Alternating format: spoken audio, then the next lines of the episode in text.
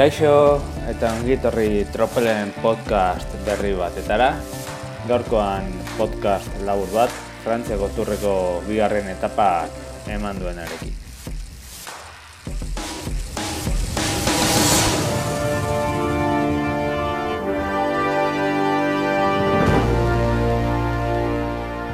Txirrindulariek gaur egun garrantzitsu bat zuten, ia hogeita emezortzi, oia, barkatu, hogeita sortzi kilometro taldekako erlojuz kontrako etaparekin, eta atzo hasi eta bukatu zen hiri berdinean, Bruselasen ospatu da etapa hori, eta egia esan behar badegu, ba, historia handirik gabeko etapa izan da, ba, zeuden galdera batzuk, ez? E, etapa hasi aurretikan erantzun beharrekoak, batez ere, ba, sailkapen nagusia lehiatzen ari diren txerrindulari hoien arteko diferentziak zeintzuk izango ziren, eta bueno, pixka bat, ba, bueno, mm, sorpresa gutxi ondia, e, esan dudan bezala, eta hori bai, emozioa, ba, lehen unetik, amaia arte izan dugu, harrigarria badiruri ere, Ineos talde izan delako lehena ateratzen, eta liderraren taldea iritsi den arte, Jumbo taldea iritsi den arte helmugara, baineos izan da denbora ikonena e, jarri duena erlojuan.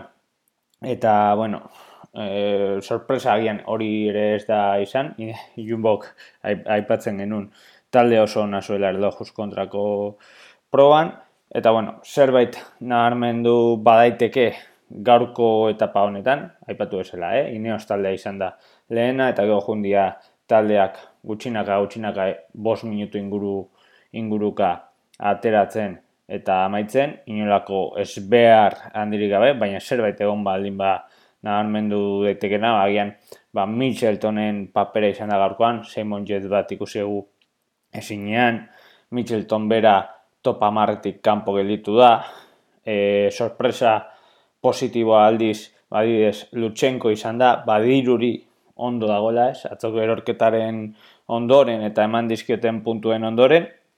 Ja, bueno, e, lasterketan jarraitzen du eta arazo handi gabe, gainera ba, bere taldean hain aipatuko dugun bezala lehen gomarren artean sartua, baina esan dakoa, eh? historia handirik gabeko etapa izan da, pixka zeikapen nagusia garbitzeko, baina ala ere, ba, bueno, e, Jumbok irabazi du, etxeunikek e, barkatu, ineosi hoi segundu aterata, etxeunik step beste favoritotako bat etapa eramateko hogeita bat segundora gelditu da, Sunweb hogeita zeira, Katusha ere hogeita zeira, Education First hogeita sortzi segundora, CCC hogeita maika segundora, Grupama FD y e, pinoten taldia sortzigarrena izan da hogeita mabi segundora, oso posik egongo da frantziarra seguro, Barein Merida, Nibaliren taldea, hogeita amasei segundura iritsira elmugara, eta astana, bueno, Lutsenko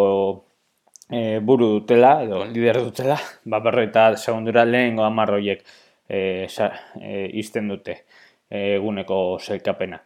E, aldaketa egon da, aldaketarik ez da egon lidergoan, teunisenek jarritzen du lider, baina bai e, ostean, ba, bere ostean, bere taldekide jarri dira, amar segundura, eh? Banaert, Cruisewick, Tony Martin eta George Bennett. Segarren tokitik, behatze garren tokira, Ineostarrak, hogeita amar segundura, ba, Moskon, Bernal, Tomas eta Van Barle, eta bueno, eh? autagaien artean, adibidez, Movistarrekoek, ba, Quintana eta Landak, baina minutu eta laurdenea daude saikapeneko e, lehenengoarekiko, trekekoak e, ba, mole mataporte eta jebierrekoak bardet, ez? Baina minutu eta erdira baita ere.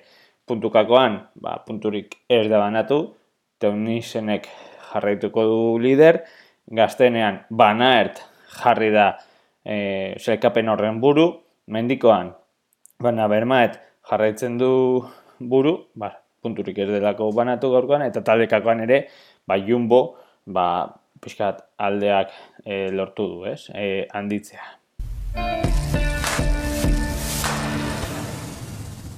Biharko etapari da okionez, Binxe eta Epernai arteko berreun damaoz kilometro izango dira, laun mendaterekin, irugarren mailako iru eta bakarra laugarren mailakoa eta amaieran ba, goraka, eh? perfilari ikusten badiogu ea zenolako esprinta egon daitekeen, askarren entzat izan daitekeen ez, edo iesaldi bat iritsikoen e, biharko etapan. Beste gabe, eskerrik asko, eta jarraitu txerrin leitzaz. Disfruta!